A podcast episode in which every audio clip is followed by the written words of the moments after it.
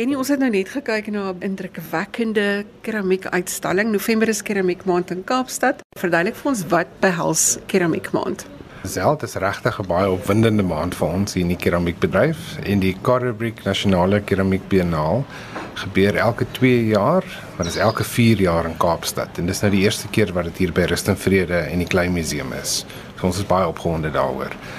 Ehm um, ons daar is so ek dink ongeveer 500 inskrywings van reg oor die land en dan is daar 3 keerders wat die werke ehm um, digitaal na kyk en hulle kies dan 'n groep daarvan en dan kom die keerders bymekaar en dan kyk hulle weer na die werk en dan kies hulle finale uitstalling so daar so die ek dink bietjie minder as die helfte van die werk wat ingeskryf is is op, op die uitstalling. So dis 'n verskillike groot uitstalling met 'n ongelooflike verskeidenheid werk. Jy weet van regtig funksionele werk tot skulpturele werk, enigiets waaraan jy kan dink in keramiek is hier by Rust en Vrede. Dit voel vir my so asof jy keramiek aan die lewe hou. Dit is so 'n lekker medium om mee te werk. Dit is so funksionele medium om as kuns in jou huis uit te stal. Is dit nodig dat ons keramiek so onder die kollig plaas? Ek dink beslis so en ek dink veral vandag, dit is asof keramiek soos jy gesê het, 'n nuwe oplewing het. Dit het 'n oplewing in die fine art wêreld. Dit is regtig 'n medium wat mense ontdek en dit het so 'n lang tradisie en so 'n geskiedenis dat dit is net wonderlik dat hier so 'n keramiekuitstalling bymekaar gebring kan word. Voordat ons verder praat oor die uitstalling, keramiek is so 'n terapeutiese klei medium om mee te werk. Jy self een van hierdie kunstenaars, wat beteken dit vir jou om met hierdie klei te kan werk?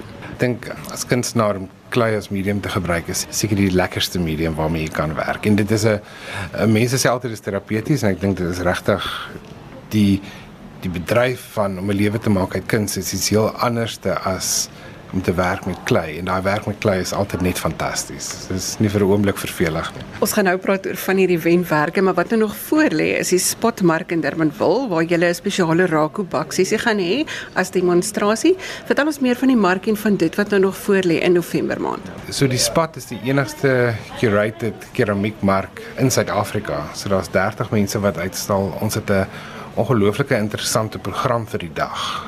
En Die hele gedagte is celebrating ceramics every 15 minutes. So vanaf die mark 9:00 die oggend begin op die 1 Desember. Elke 15 minute is iets wat gebeur en meeste daarvan is gratis vir die publiek. Daar's demonstrasies, daar is 'n rakoviering, daar is rondleidings deur Strydom van der Merwe, deur Elise Reich, deur Susan Grundling.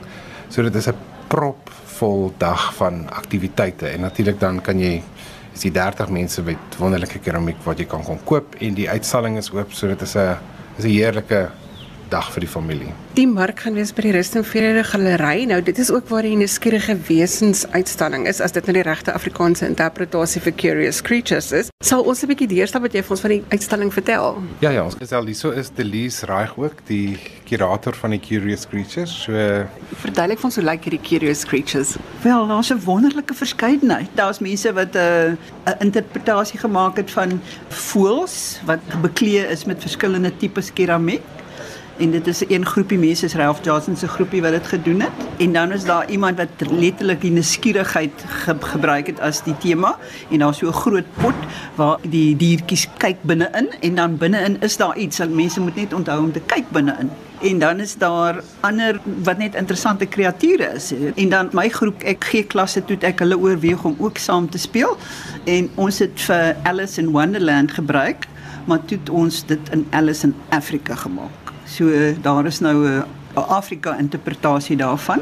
En so ek het byvoorbeeld die Mad Hatter gemaak en maar dit is 'n persoon van ander kleure, maar hy's nie swart of wit nie, hy's 'n pers ou en hy het hoedens op sy kop wat van die meer kulturele goeters is soos 'n Sotho hoed wat gevleg is en dan het hy 'n Zulu daar's 'n Zulu vel ringetjie en dan is daar Jack Sparrow se hoed op en uh, daar is binne Setseli se hoop se hoed heel bo op en so aan. En dan is daar byvoorbeeld die mock turtle is 'n so 'n so wonderlike ding met 'n bokkop wat wat glad nie lyk soos in die Alice stories nie. En die Jabberwocky kan jy net sowel as 'n Tokolossie interpreteer. En daar is byvoorbeeld 'n klein beeltjie wat gemaak is wat so 'n bietjie van 'n politieke rigting strek dit is Tweedledee en Tweedledum wat nou 'n bietjie anders geïnterpreteer is. En as jy mooi kyk dan is daar gravy te doen eh, met die hele ding. En ons staan nou hier voor een van die wenwerke. Hoe het julle besluit om by die werke uit te kom en waarom hierdie een gekies is? Lisel, ons is baie bevoorreg hierdie jaar om vir Kate Malone, sy's 'n Britse um, keramiekkunstenaar, regtig wêreldberoemde befaamde kunstenaar wat gekom het hierdie jaar om die beoordeling van die wenwerke te doen. Sy het ook 'n klomp werkswinkels in die land aangebied. Die werk wat sy gekies het vir die hoofprys is 'n baie groot bord van Paul de Jong wat 'n McGregor is. Ek dink mense gaan nogal na die uitstalling kom kyk en al die wonderlike werke sien en dan wonder hoekom het hierdie werk wat amper tradisioneel lyk, hoekom het dit gewen? Hierdie spesifieke werk is op dit op die wiel gegooi is en dit is gevier in 'n anagama houtvuur oond.